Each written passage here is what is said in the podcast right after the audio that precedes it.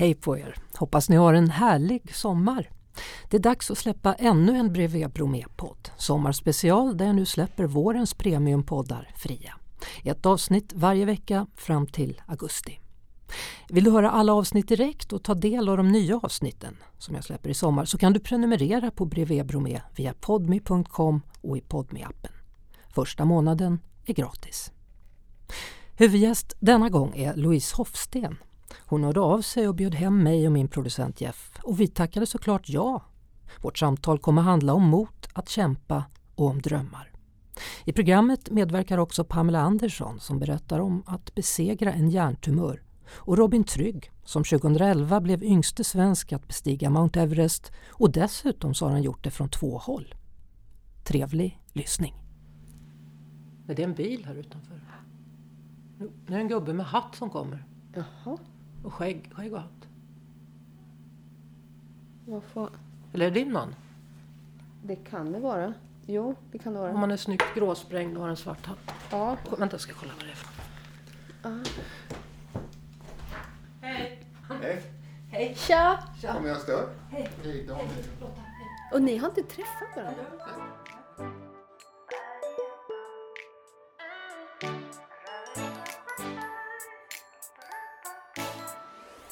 I dagens Brevet Bromé möter vi Louise Hofsten som just varit på turné och fortsätter resa för att få guldkant på tillvaron.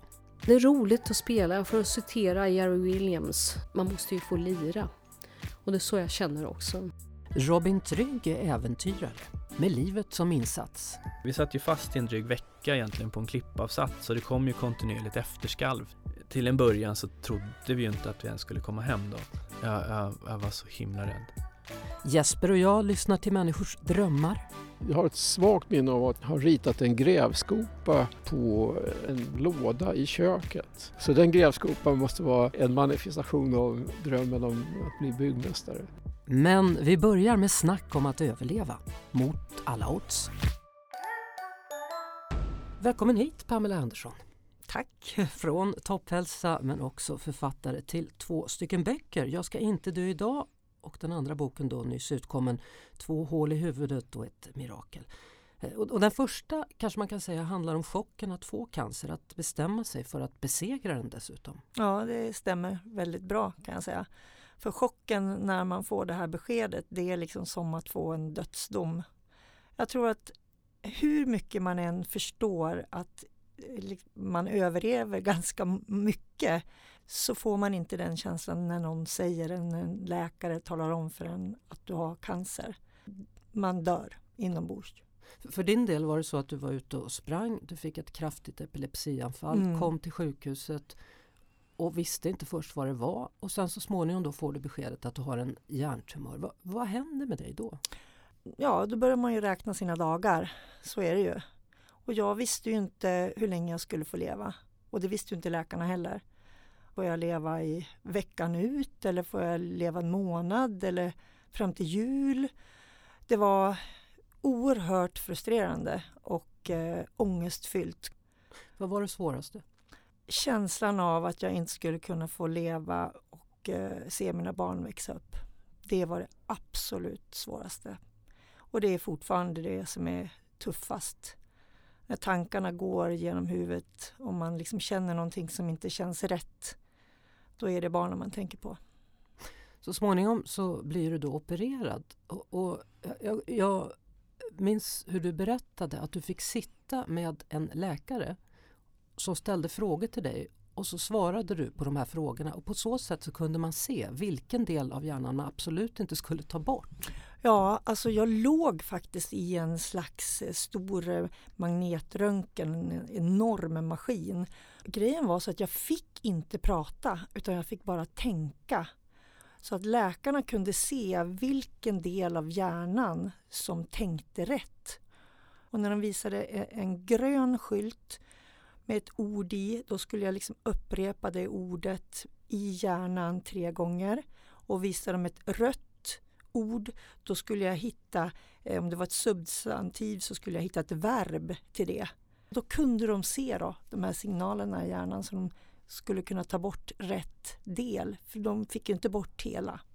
Nej, och, och rätt del i det här fallet då handlar om, om den delen som hörde ihop med talet Ja, precis. och tänkandet också. Ja, ja.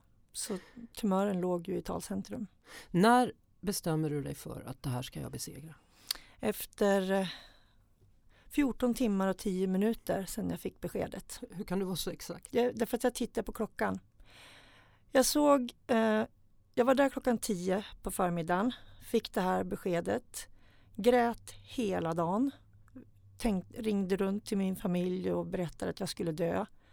Och 10 minuter över 12 på natten får, det var som en, kom, en blixt i hjärnan och jag visste liksom exakt vad jag skulle göra. Och då tittar jag på klockan, ser vad den är, tar upp mobilen och ringer till Christer Skog som tränade mig då. Och så sa jag det att jag har bestämt mig. Jag ska träna och du ska träna mig så att jag blir så stark så att det någonsin går att bli.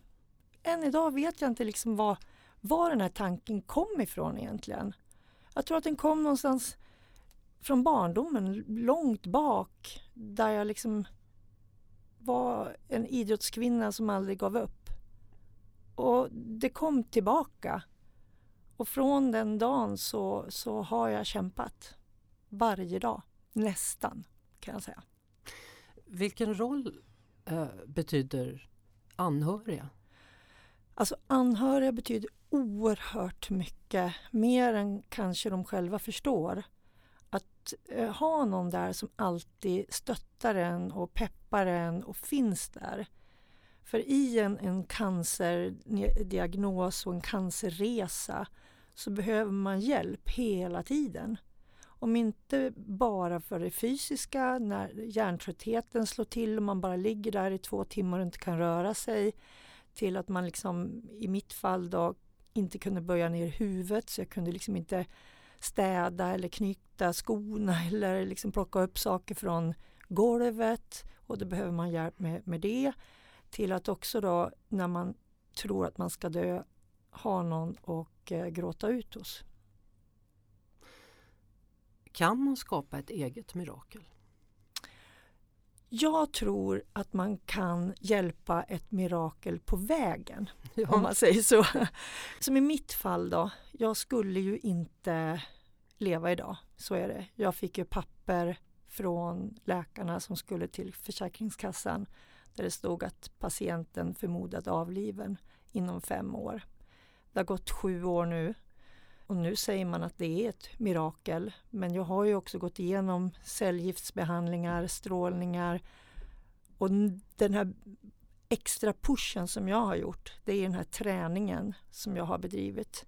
Två hål i huvudet och, och ett mirakel heter ju senaste boken. Då. Ja, För helt plötsligt var tumören bara försvunnen. ja, och det är ju det som är miraklet. Och, alltså jag fick ju själv en chock. Det var, det var liksom oerhört, därför att alla sa ju att det skulle inte gå. Därför de fick ut två centimeter av en äggstor tumör. Och resten liksom försökte de stråla bort men det misslyckades och sen så kom det eh, cellgifterna i ett och ett halvt år och den låg kvar där. Men så länge den liksom inte växte då så skulle jag få leva. Och helt plötsligt så efter en, en magnetröntgen, jag gick ju var tredje månad, så var den bara totalt försvunnen. Och ingen kan riktigt förklara exakt vad som har hänt. Men, men det måste väl ändå ha varit så under den här resan att du någon gång tvivlade på livet? Absolut. Det Och fanns... förbannade livet också antar jag, eller? Nej, eller, eller för... förbannade du döden? Vi säger så här. Jag förbannade aldrig livet. Jag tänkte så här att om jag dör så gör jag det och jag har verkligen tagit ut det bästa av livet hela tiden. Jag har gjort extremt mycket. Haft förmånen att kunna göra allt som jag faktiskt har velat gjort. Däremot så tyckte jag det var jävligt orättvist att jag skulle behöva lämna mina barn som var så pass små. De var fem och åtta år när jag drabbades. Och det tyckte jag var hemskt. Och där kunde jag kanske bli förbannad på ödet. För att jag frågade ju faktiskt varför fick just jag en, en hjärntumör? Och då så sa läkarna, nej men det är slumpen. Och då blev jag bara så här, jaha, kul. Vissa liksom vinner sju rätt på Lotto på slumpen och jag fick en hjärntumör. Ja, men det var orättvist. Och då kunde jag bli förbannad på den här slumpen. Om, om man som du då har, har överlevt, blir Mm. man räddare om livet då? Ja, kanske lite grann. Jag är ju är fortfarande rädd för att, att dö ifrån mina barn. Det är jag. Och jag kanske är räddare om de stunder jag har också. Jag värnar om dem och jag försöker liksom leva varje dag. Jag vågar inte tänka jättelångt framåt. Tidigare tänkte jag ju bara en vecka, högst 14 dagar. Liksom. Jag kunde inte tänka längre. Nu vågar jag tänka liksom nästa sommar och om två år och sådär. Men kanske inte ännu längre. Utan jag, jag värnar om det jag har idag och försöker leva så mycket och så fullt ut som det går. Mm. Vad betyder det? Betyder det att du skulle säga ja till ett bungee jump? Eller, eller, eller, eller klättra på en bergstopp och ta de här jätteriskerna, ner och dyk med hajar? Nej? Nej, och vet du, för det, anle- anledningen till att jag inte skulle göra det, det är för att jag redan har gjort det. Inte bungee jump, för jag är höjdrädd, men dykt med hajar har jag gjort.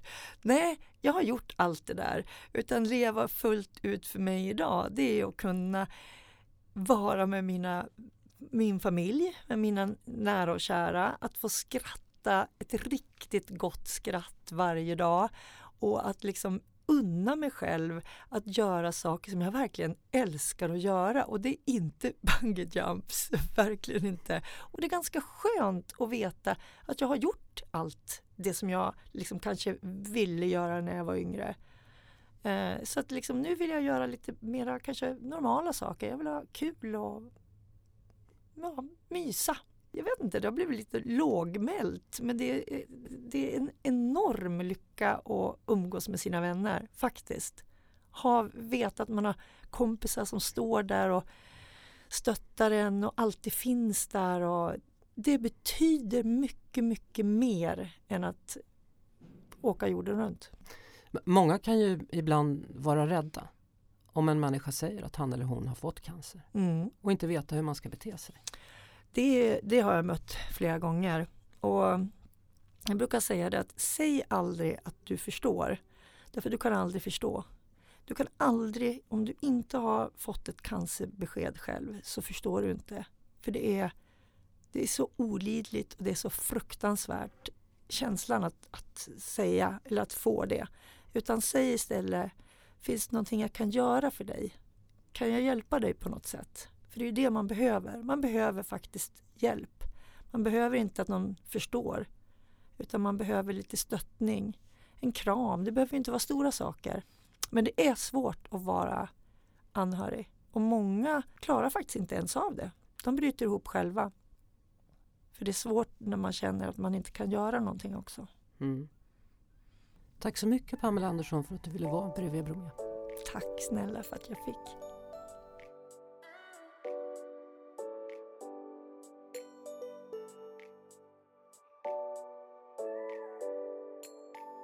Louise Hofsten var ju en av höstens deltagare i Så mycket bättre.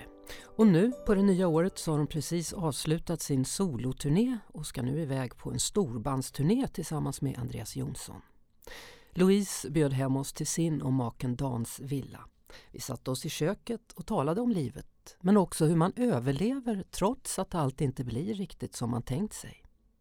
Louise Hofsten har ju sjungit allt ifrån blues till pop men också skillingtryck och visor. Och för att hitta rätt inspiration till just det så var hon och botaniserade i Svenskt visarkiv. Och där finns det noter till över 100 000 låtar, ända från 1500-talet fram tills idag.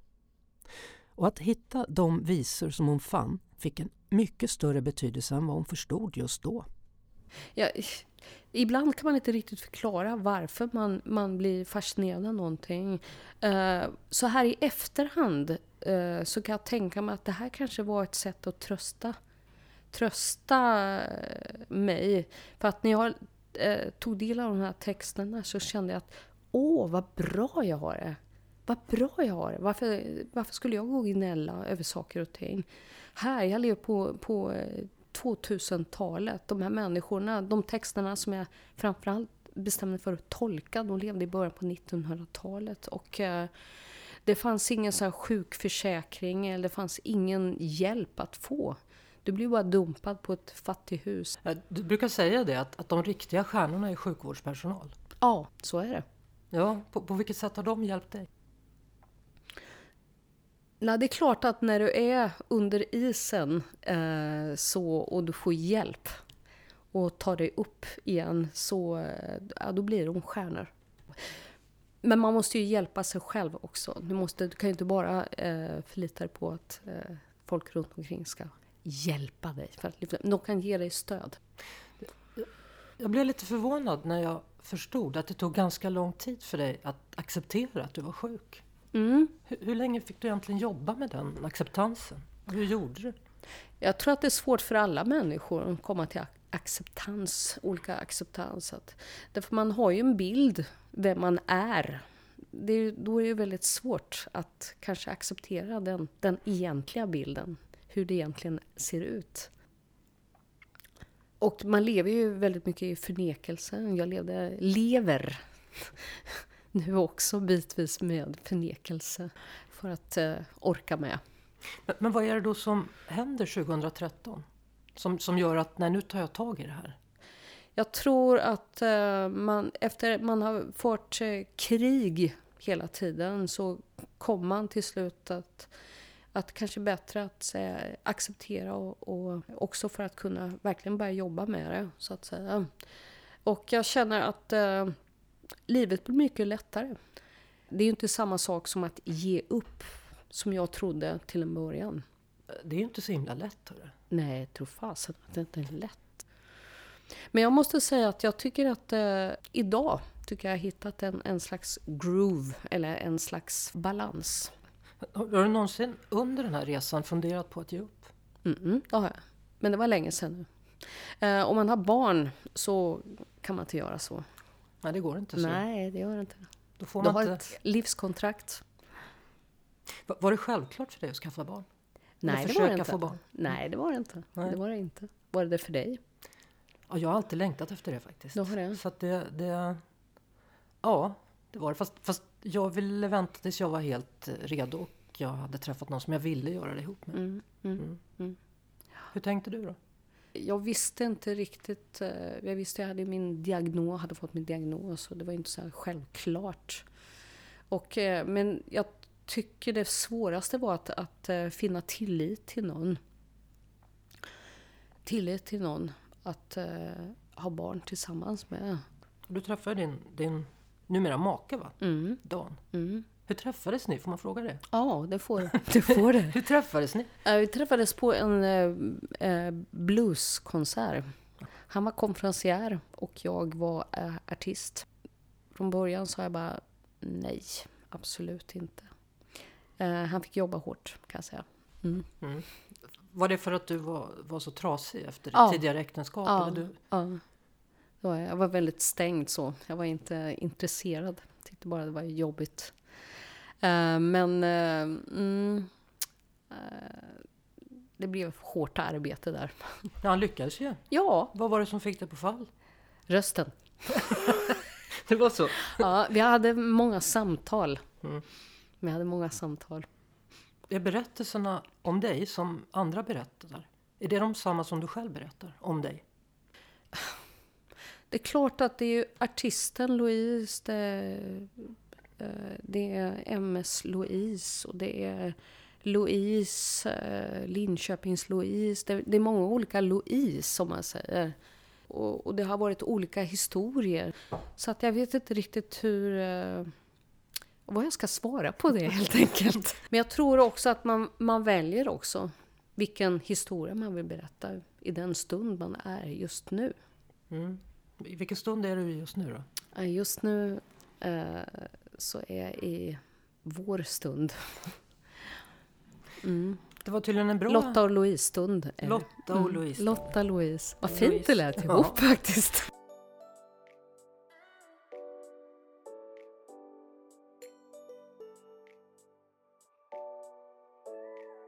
Du sa det eh, när vi hällde upp kaffe här innan vi började prata. Vi sitter i ditt kök här.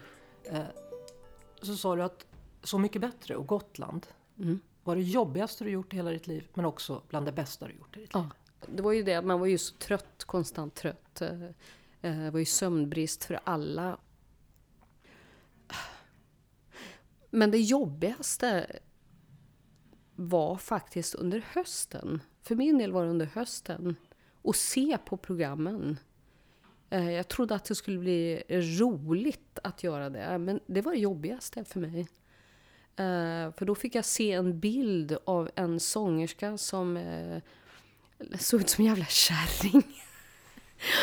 Och hon liksom, ja, stappla sig fram där. Och, Du, du pratar om dig själv nu? Ja, jag pratar om mig själv.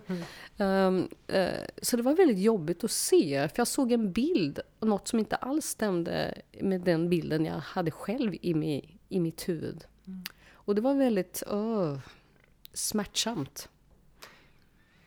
Ja, det finns ju en scen när ni träffas igen, återträffen. Mm. Där, där du berättar att plötsligt så såg jag hur sjuk jag är. Var det Mm. så du uttryckte dig? Ja, hur dålig jag hade blivit. Eh, jag hade ju levt i förnekelse att jag är så bra, jag ska springa maratonlopp nästa vecka. Typ, i mitt huvud eh, var det så. Mm. Men sen när man fick se det, därför att bilden ljuger ju inte. Utan det, det man ser där, det är ju sant. Eh, men det var väldigt eh, smärtsamt att, att se. Nej men, nej men jag bröt nästan ihop också för jag kände din smärta i det där. För det var så genuint, din sorg där. Ja, det var sant. Allting är sant som har visats där och filmats. Ja. Eh, nej, men det var ett uppvaknande. Liksom. Att, Jaha, så här ser det ut. Så här, så här är det, så att säga. Hur, hur lär man sig att leva med en kronisk sjukdom? Eh, jag har ju gått till skola för att göra det. Jag går på någonting som heter rehabcenter. Du träffar folk som jobbar där och du får redskap. Eh, får du en sjukgymnast och någon människa som du tränar med rent fysiskt. Och det är ju så att eh, det finns väl en gräns för hur, eh, när bromsmedicinen inte hjälper längre. Eh, och det enda som eh, hjälper, vad ska jag säga, som, som är viktigt, det är just med träning, fysisk träning. Att också tala med andra människor. Vi i den här rehabgruppen, vi har, alla har ju olika symptom och besvär. Men att vi har faktiskt väldigt roligt tillsammans. Det här låter helt absurt. Men vi har det, vi har skitkul. Så ni skrattar hellre än att gråter i den här Ja, gruppen? ja. Mm. Men det måste väl hända att ni får gråta också? Ja, då. ja. Och det är ingen som sneglar eller tycker det är konstigt eller så. Man får vara som man är. Liksom. Hur ser en vanlig dag ut då? Nu när du har gått i skola? Hur, hur lever du med din MS? Alltså, Eh, förutom att jag vaknar, jag äter frukost. Eh, så har jag gjort till en vana. Mitt nya jobb är att gå och träna. Det är mitt jobb. Eh, jag var och simmade i morse. Och eh, sen så går jag ut till Friggeboden, eller min kyrka som jag kallar det för. mm. Det är det lilla gröna huset som vi Ja. ser här genom fönstret. Mm, och så sitter jag och övar. Och jag... ehm, Det här låter helt sjukt, men jag sitter och pratar med mig själv. Och sen så har jag massa bilder på ikoner. Eh, förebilder, musikaliska förebilder och andliga förebilder. Mhm. Och jag pratar med dem också. Vad säger de? Ja, de säger lite olika saker, men eh, jag, fick, jag tycker det är bra. Vi har bra samtal faktiskt. Vad skönt, ingen som säger emot direkt. Nej, ingen säger ett uns emot. Nej. Men, men du, jag funderar på din, din make där. Nu är han ju friskförklarad. Men var det så att dagen innan ni skulle gifta er så fick han ett cancerbesked? Ja. Vad, vad hände med er då? Vi bröt ihop. Äh, nej. Så här är det att eh, va- jag, eh, det här var dagen innan vi skulle gifta oss som Don fick cancerbesked. Och hans mamma hade ju dött i cancer, samma typ av cancer som han fick också. Och det är ju alltid, cancer är ju så laddat när man hör ordet. Då tänker man ju döden i första hand. Blir blir kärleken starkare i det läget eller blir ni rädda? Eh, vi fick ju barn i samma veva, så att, eh, jag tror att det är det också som gör att man... Att det blir starkare. Men hur blev bröllopet? Ja, jag grät hela vägen Var det så? fram. Ja, och jag, jo, så är det. Men att jag, jag tror ändå att eh, nu när man sitter med facit i handen att det är inte bara, man går inte bara igenom sjukdomar och eh, cancer och MS utan det är ju saker som händer ju i livet. Mm. Men det är ju det också som gör att man skapar en historia tillsammans. Det är både mörker och ljus som man går igenom tillsammans. Och jag tror att man, eh, man släpper inte taget lika rätt. Jag inbillar mig att antingen så blir kärleken starkare eller så går man ifrån varandra. Mm. När man är med om någonting så omvälvande. Ja, Så- ja, men det tror jag också. Jag tror också att det kan vara så. Men för det var det självklart att hålla ihop. Ja, det Men det har inte, det. har det varit lätt? Det kan det ju inte ha varit. Nej, det har det inte. Nej. Det, det går inte. Det, man, man får börja om varje dag. Faktiskt. Man kan inte ta någonting för självklart. Ja, vad ska man göra? Nej, men hörru du. Mm. Jag tycker det här blir för eländigt nu. Jag tycker vi ska prata om något kul. Ja, Ja, fast jag, tycker det, att jag kan tycka det är rätt intressant att förstå hur man, hur man väljer att tackla motgångar. Faktiskt. ja jo. Och, och, och speciellt om man gör det tillsammans med någon. För, för mig är inte det självklart. alltså. Nej, det är inte. Men har man något val i livet? Man kan ju inte ge upp. Det kan man inte göra. Då är man en loser. Det funkar ju inte.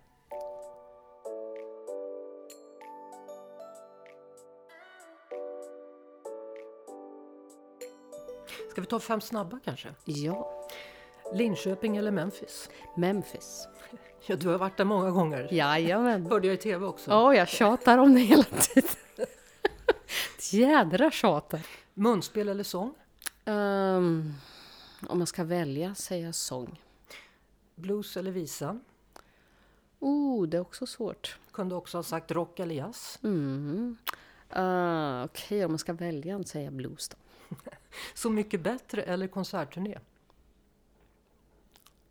Där jag är i livet nu säger jag konsertturné.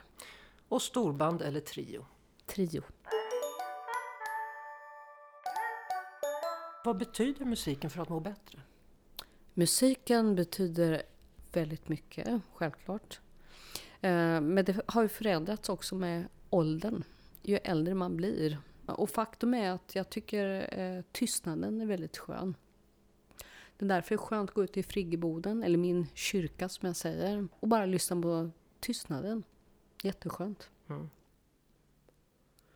Men det är roligt att spela. För att citera Jerry Williams, man måste ju få lira. Och det är så jag känner också. Herregud, jag kan inte bara gå omkring och bara och träna, gå på rehab hela tiden. Jag måste ju få lira. Det är det som ger livet den här extra gnistan. Apropå på att eh, bli äldre. eh, Din mamma gick bort förra året. Mm. Gjorde hon. Hur var det? Ehm, om jag får backa till när min pappa gick bort. Det, jag blev helt knäckt då. Och sen nu när mamma gick bort här. eh, Åtta år senare då? ja. Så trodde jag att jag skulle vara mer... Eh, klara det bättre. Eh, det, det, var, ja, det var fruktansvärt. Men det är eh, konstigt det här med att vara föräldralös.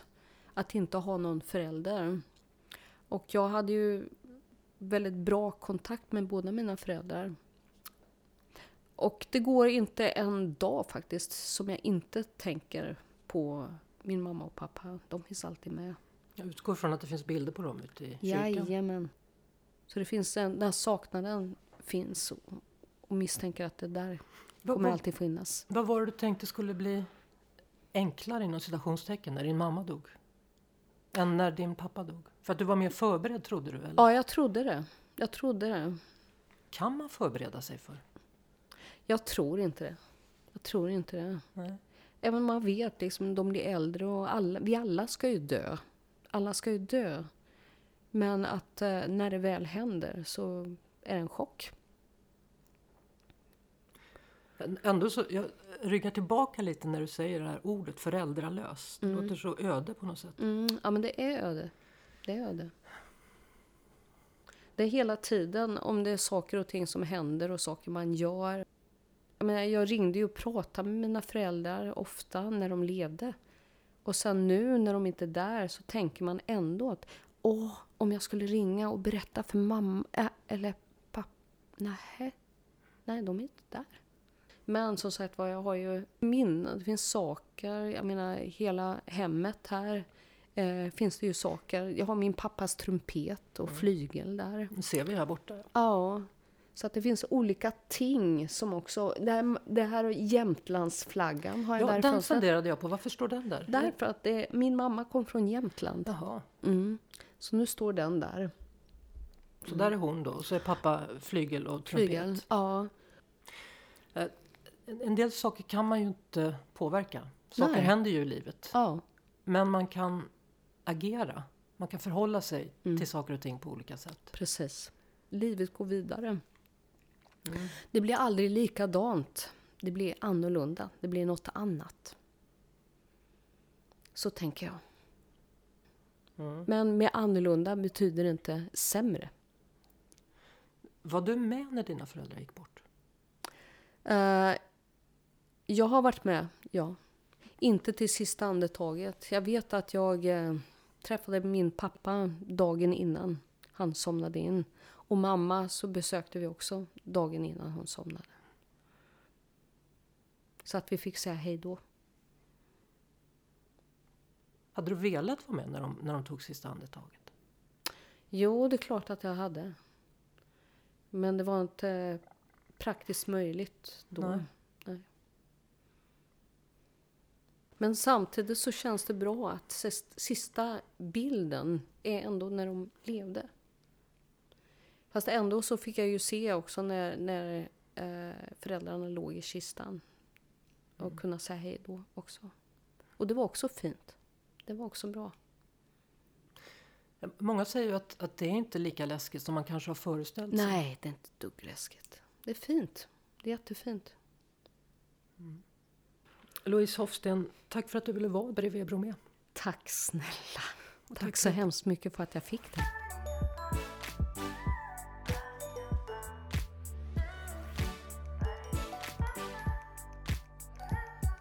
Det är en väldigt fin, lite kall vårdag men jag och Jesper går ju ut i ur och skur och idag är en sån där perfekt dag när solen lyser och människor börjar känna lite vårkänslor även om det är ett bra tag tills det blir så. så att här kommer en man, ska vi se, med glasögon utan mössa fast det är kallt. Om jag säger drömmar till dig, vad tänker du då? Um, bakverk? Gör det? Nej. Uh, visioner, framtidstro. Dels saker som du inte kan nå men som du ändå kan måla upp en ljus bild av.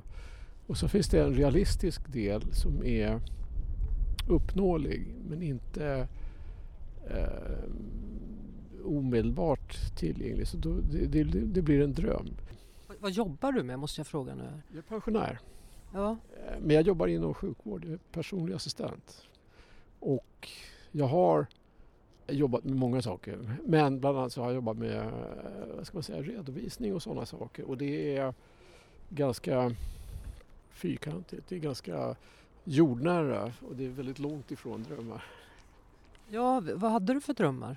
När jag var två år så drömde jag om att bli byggmästare. Jag har inte blivit byggmästare.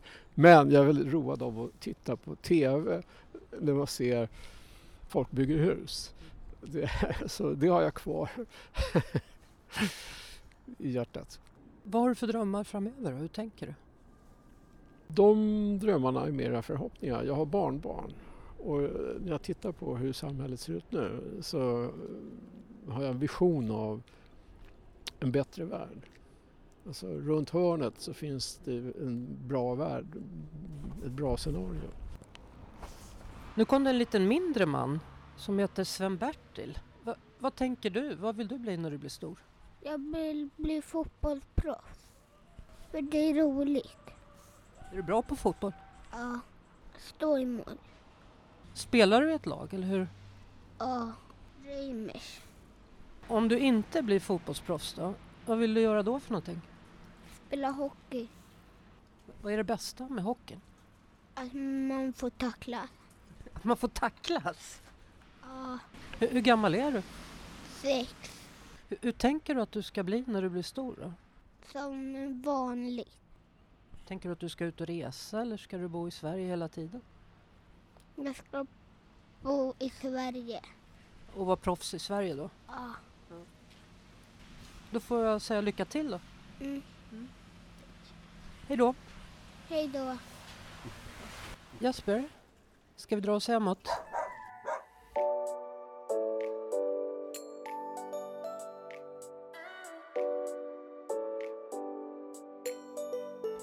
Det här med drömmar och att uppfylla dem.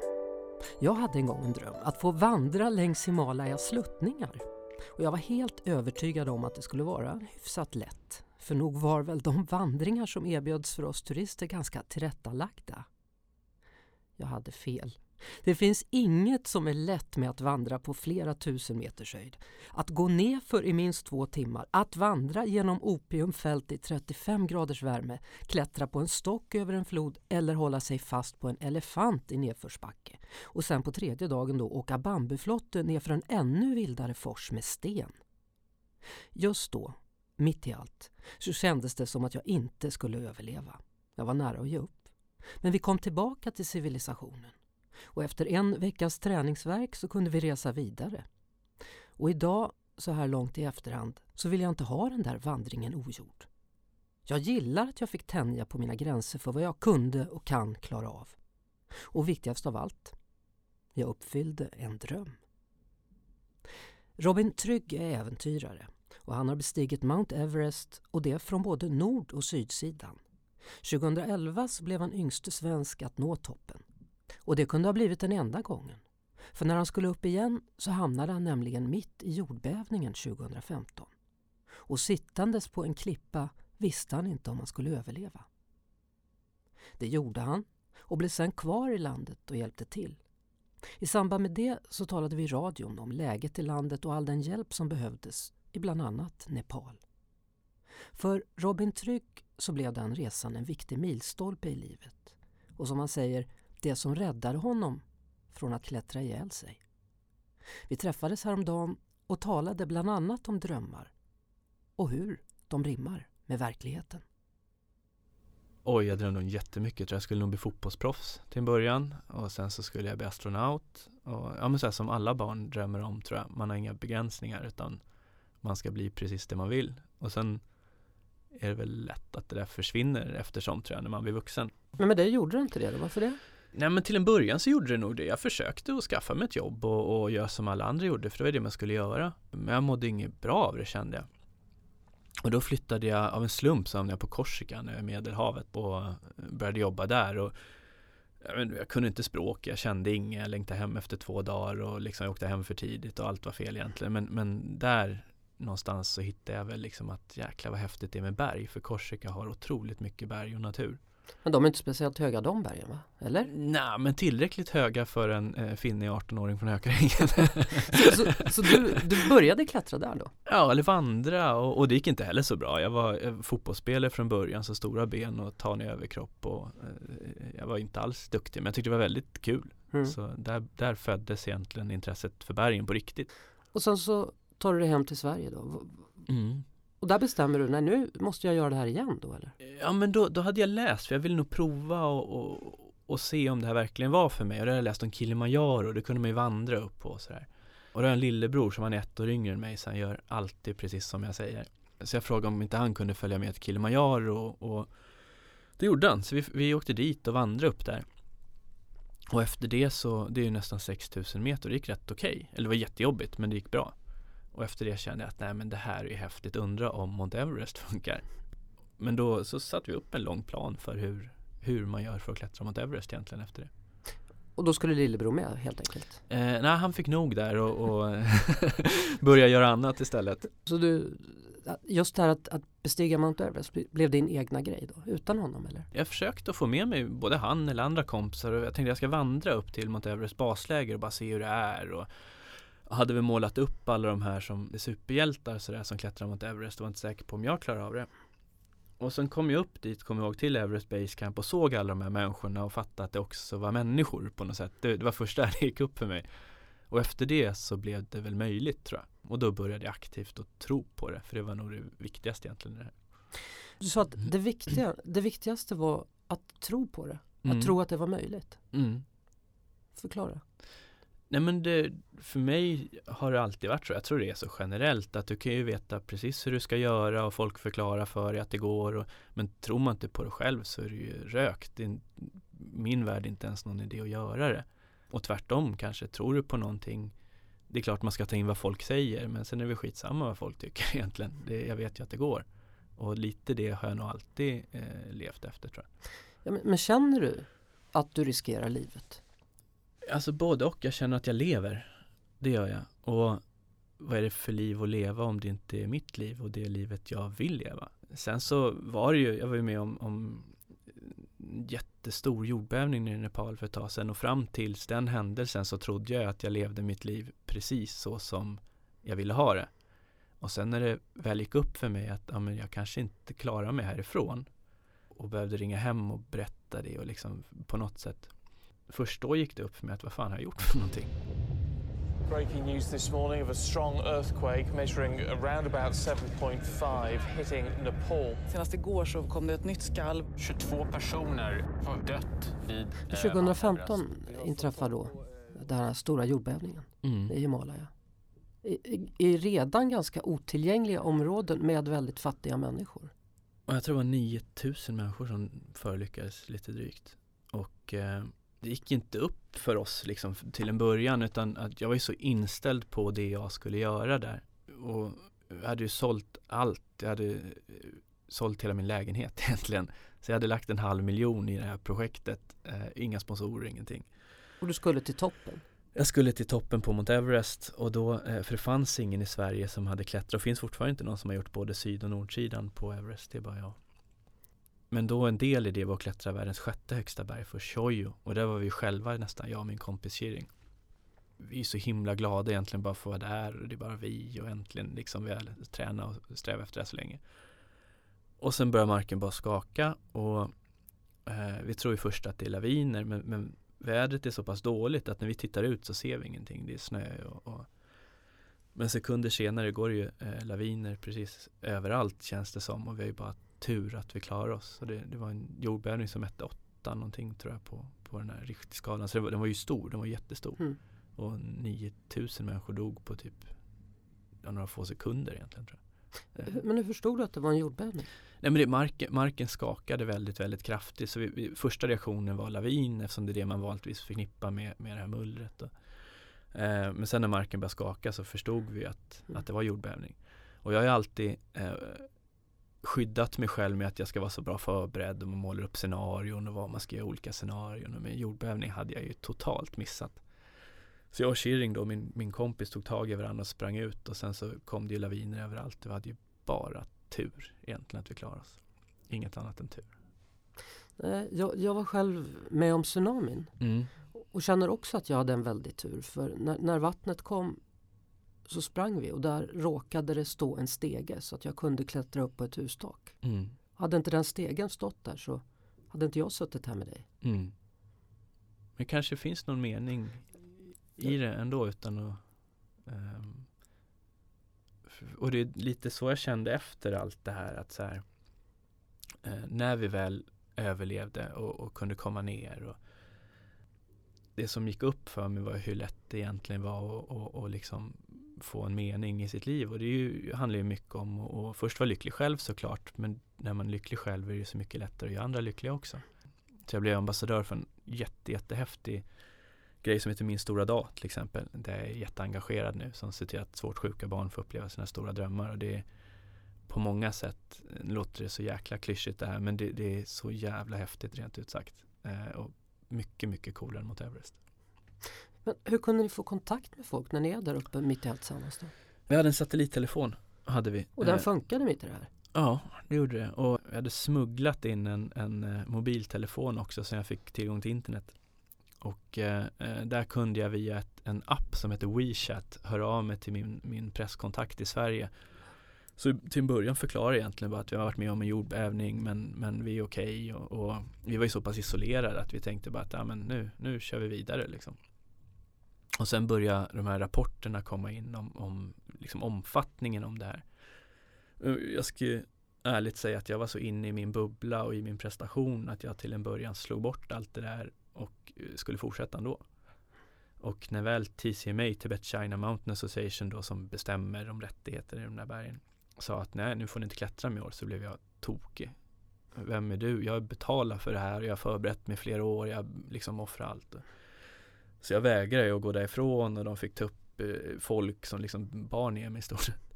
Men när jag väl förstod omfattningen av det och liksom kunde ta in det eh, så, så var det ett rätt enkelt beslut. Men det tog, det var nog en process i mig själv tror jag att fatta.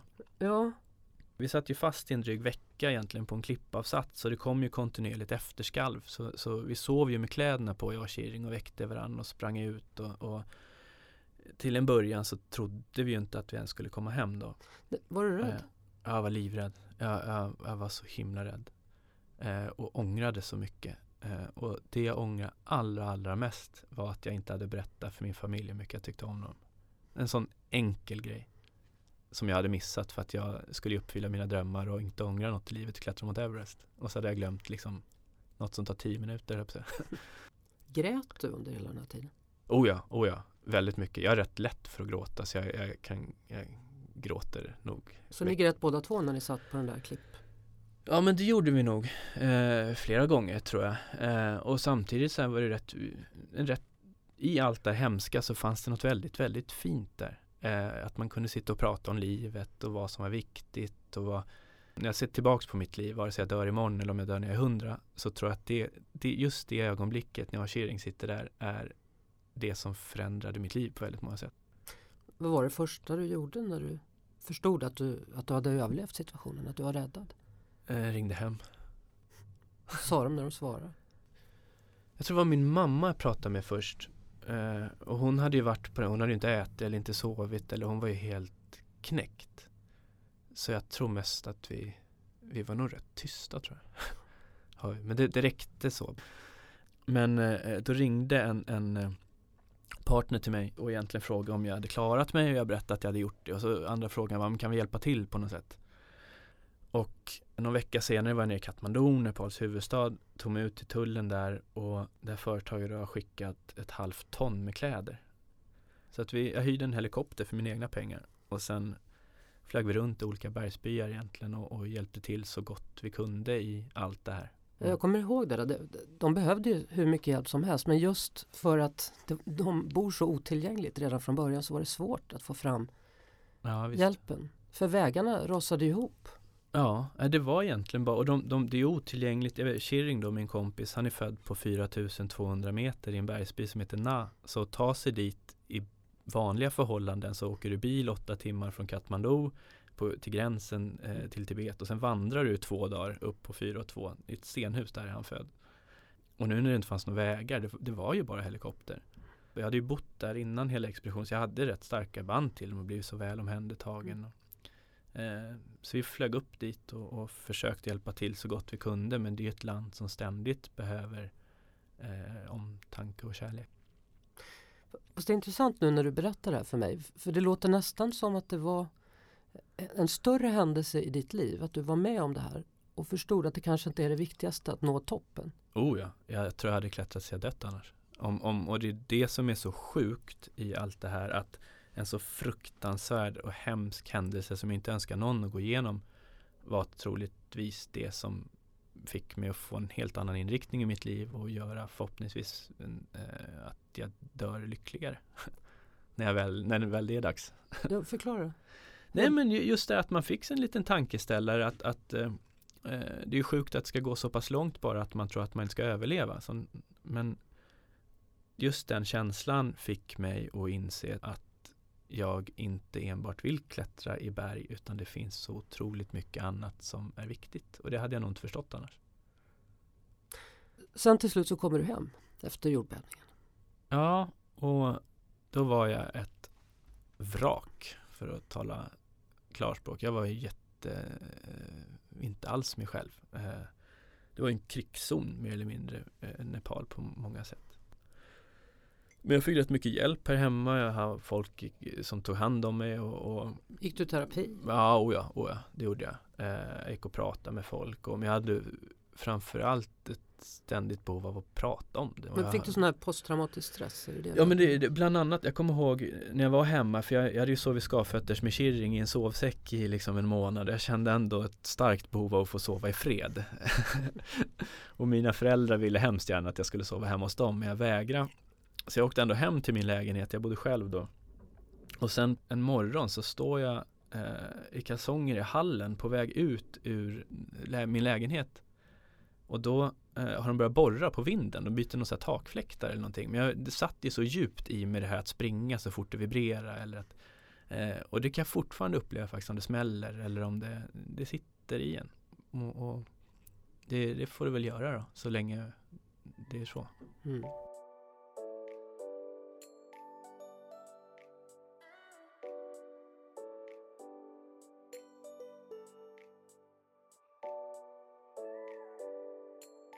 Men jag hade så fruktansvärt svårt att släppa hela min den här Everest. För det hade inte gjorts i Sverige. Det var folk som ens ifrågasatte om det skulle gå och att jag inte kunde. Och även fast jag inte sa det då så störde jag mig jättemycket på det. För jag visste ju att det gick. Och det använde jag även efteråt. Sen när det var som tyngst så hade jag de där jävlarna i mitt huvud som berättade att det inte gick. Och då fick jag lite extra energi. Så jag får tacka dem om de lyssnar på det här. Um, nej men så jag, jag valde till slut att att åka tillbaks. Vad säger din mamma och pappa då? Det var nog ingen som tyckte att jag var klok, tror jag.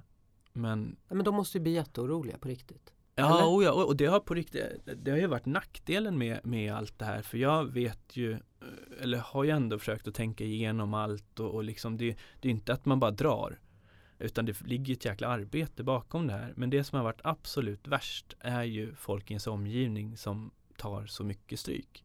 Och där är det ju upp till mig att ändå vara tydlig med varför och, och att jag tycker att det är så himla roligt. Men eh, jag visste ju att det gick och jag visste att jag kunde Annars så hade jag inte gjort det. Ehm, och hur vet man om man inte får prova? Och så drar du iväg då. Mm. Och nu är det dags för det här stora äventyret. Nu har det gått ett år. Sen Oj. jordbävningen och sen allt som hände den första, i det första försöket. Ja, och det där var lite Först var jag så otroligt tacksam bara för att komma iväg. Och det var ingen tror jag eh, Det är lätt att måla upp den här revansch nu jävlar mm, No matter what ska upp liksom. Men den fanns inte. Det var snarare så här eh, När man ramlade på cykeln när man var sex första Hur jävla viktigt det var att sätta sig och börja cykla igen. Mm. För att inte måla upp en bild att det var farligt. För bergen är ju någonting jag tycker är så otroligt vackert och fint. Jag älskar att vara där. Och jag ville inte att det skulle förknippas med något hemskt. Så det var egentligen stora anledningen till att jag åkte dit igen Och sen trodde jag ju, eller jag visste någonstans att det här går ju Det gäller bara att, att eh, göra det så gott man kan Men var du rädd att det skulle hända igen? Något liknande? Eh, Ja, lite, lite rädd var jag. Eh, För det satt, det var ju fortfarande rätt färskt alltihop. Men det var också ett sätt att så här, återkoppla människor som än idag betyder väldigt mycket för mig, men som bor där nere och få träffa dem igen, få faktiskt se att de har det okej och att de klarar sig och, och det, var, det var mycket sånt också. Mm. Så det, det var väl en process att, att läka, tror jag, lika mycket som det var en bestigning. Och hur blev det sen då? Vi blev de första att bestiga Shoyo på ett och ett halvt år jag och. Vilket var jätte, jättehäftigt och just få göra det tillsammans med honom eh, efter så lång tid och allt vi har gått igenom. Och jag blev yngst i Sverige och klättrade Everest 2011 då från sydsidan. Då tog hela expeditionen 70 dagar. Men nu eftersom vi hade varit uppe på Shoyo och fått de här röda blodkropparna och acklimatisera sig som det heter så kunde vi åka till Everest. Och istället för att klättra Everest på 70 dagar så gjorde vi det på 36 timmar. Är du klar där nu då? I Mount Everest? Alltså jag kommer nog aldrig känna mig klar, tror jag. Jag kommer alltid vilja vara i naturen och i bergen. Däremot så känner jag nog att jag klar med toppen av Everest. Vad är det som driver dig då? Skulle du säga? Eh, det är nog fler saker tror jag. Det är, alltså viljan att utvecklas. Man får ju ifrågasätta sig själv och jobba med sig själv otroligt mycket. Sen älskar jag att se nya kulturer och miljöer och träffa människor som eh, som i Shirings fall då man tror att man är så himla olika för att man är från så olika delar av världen. Eh, och har så olika referenser men när man väl kommer till en sån liksom, situation som vi var i och förstår hur jäkla lika man är finns något häftigt i det. Eh, så att jag, jag, skulle inte alls vara samma människa om jag inte hade utsatt mig för allt det här på gott och ont kanske. Du var noga med att säga att det fanns sådana där röster som, som du ville ta revansch mot, de som hade sagt att det inte skulle gå. Mm. Men samtidigt så ville du göra det allra mest för din egna skull. Mm. Hur, hur mycket handlar det om mod? Alltså modet tror jag ligger i att våga prova, våga gå sin egen väg, våga sånt som man egentligen har hört alla människor säga som gör någonting men som är så svårt att göra själv. Det är att vara modig. Sen om du klättrar Everest eller säljer dammsugare är egentligen skitsamma rent ut sagt. Men det är ju skitläskigt att våga prova. För tänk om man misslyckas. Men då är det så här, vad, vad är egentligen att misslyckas? Är inte det att våga, inte våga prova? I min värld är det så i alla fall. Det låter så jäkla lätt att sitta här och säga men det är så tror jag. Det är roligt att du har ett namn som Trygg. folk tror att det är taget. men det är det faktiskt inte. Det är, jag är född till det här tror jag. Ja, att heta trygg och försätta sig i en otrygg situation. Ja, eh, lite så kanske. Men det är så att man går igenom döda kroppar också som finns där? Mm. Eller är det? Ja, eh, för mig har det varit så. På 2011 var det en, en asiatisk klättrare som förolyckades som, som vi behövde gå förbi. Som, som uh, var borta då. Och uh, även nu uh, senast så var det folk vi såg. Vad, vad, betyder det? Ligger de infrusna där då på något sätt? det var lite olika. vissa låg längs med leden som hade gått bort nyligen. Andra låg lite mer avsides. Så det, och det, det är ju svårt. Det är ju något man aldrig för, kan förbereda sig på. Det, det är jättekonstigt. Men det får en att vara väldigt... För du vet när man är så himla himla trött att man bara vill de sista 200 metrarna man varit ute och sprungit, man bara Mm. skiter i allt. Lite den känslan kan det vara där att man, man inte är försiktig för att man är så himla trött. Och en sån sak får det enda lilla, lilla positiva i det här är att jag blir väldigt skärpt av en sån situation. Men, men där blir det ändå så tydligt. För, för du sa att, äh, att göra de här sakerna gör Mm. att du känner dig väldigt levande. Mm. Och samtidigt så går du där i ditt levande då så ligger de döda eller ligger Ja, döden nej, det bredvid. Förstår du? Det, blir, Ja visst, det visst. kan inte bli tydligare än så. Nej, nej det är jätte, jättemärkligt och någonting jag tror att, eller vet att jag aldrig kommer vänja mig vid. Vänjer jag mig vid en sån sak då ska jag sluta klättra för flera år sedan. Ehm, sen där, man får ju ofta från men är du rädd? Eller är du... Och den dagen man inte är rädd, du ska ha en jäkla respekt för det. Den dagen du inte är rädd, då har du inget där att göra tror jag. Och så lägger vi till nyfikenheten. Då. Vad, vad är du nyfiken på nu då? Eh, ja, mest är det nog mig själv. Alltså hur, hur mycket klarar jag av? Och, och det är så lätt att tro och tycka saker om sig själv men man provar liksom aldrig att man har här valda sanningar att ja, men jag kan inte det där och men de säger att det inte går. Och, men, men om jag inte provar, hur vet jag det då? Men hur långt framåt blickar du i ditt liv? Eh, Åt gången? Ja men det, det är ju, alltså jag är olika jättelångt på ett sätt. Jag vill, eh, när jag väl känner mig färdig så vill jag känna att jag har gjort det jag trodde på och stå för det jag tror på. Sen så är det ju kortare projekt där, som en bestigning då, eh, där man blickar väldigt kort. Mm. Eh, så, så det är blandat, är det.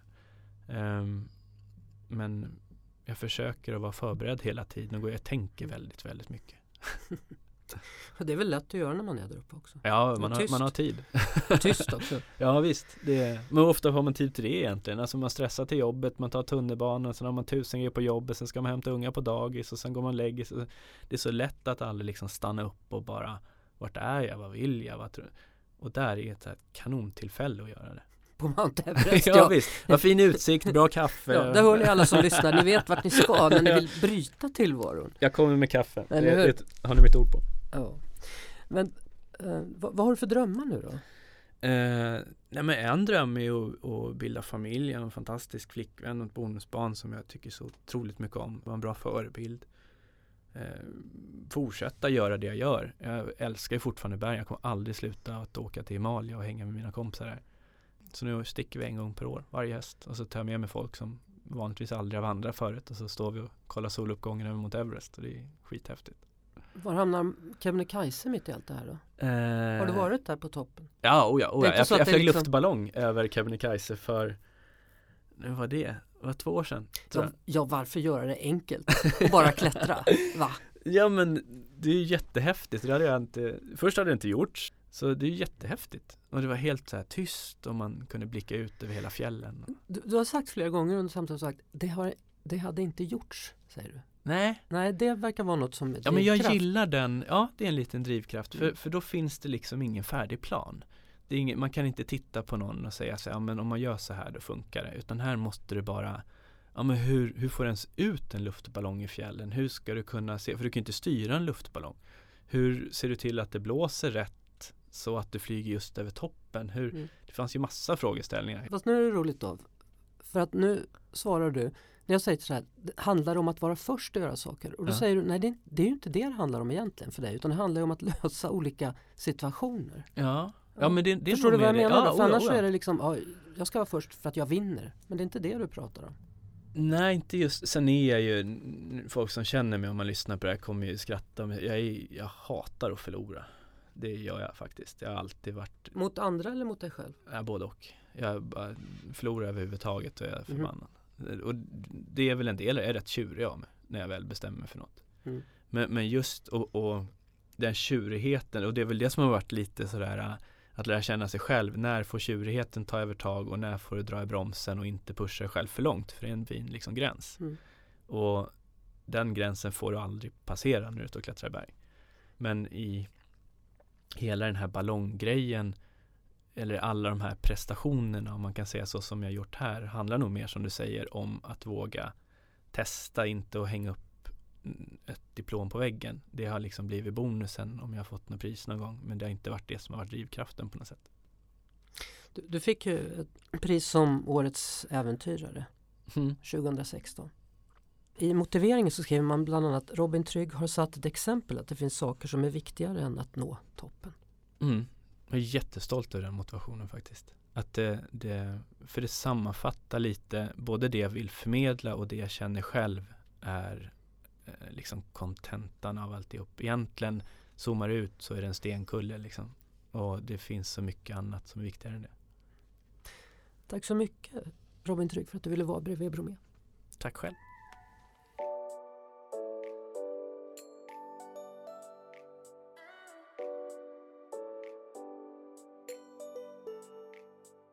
Du har precis lyssnat på ett avsnitt av Bredvid Bromé som jag släppte i början av året. Jag kommer i sommar att släppa vårens avsnitt gratis där poddar finns. Och gillar du det du hör, då kan du gå in och prenumerera på min podd hos podmi.com. Första månaden är gratis och därefter så kostar det 29 kronor per månad. Då får du inte bara tillgång till alla avsnitt direkt, du får också helt nya avsnitt varannan vecka och jag kan fortsätta hålla podden reklamfri, vilket jag gillar. Tipsa gärna vänner och bekanta, speciellt de som saknat mig, om podden. Du kan också följa mig på lottabromé.com, Facebook Lotta Bromé Official och Instagram at. Tills vi hörs igen, må så gott!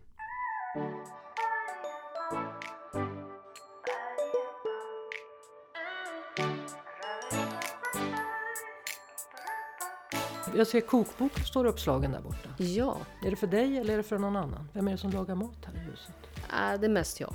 Ja. Är det bra? Uh, hyfsat. Eller hyfsat.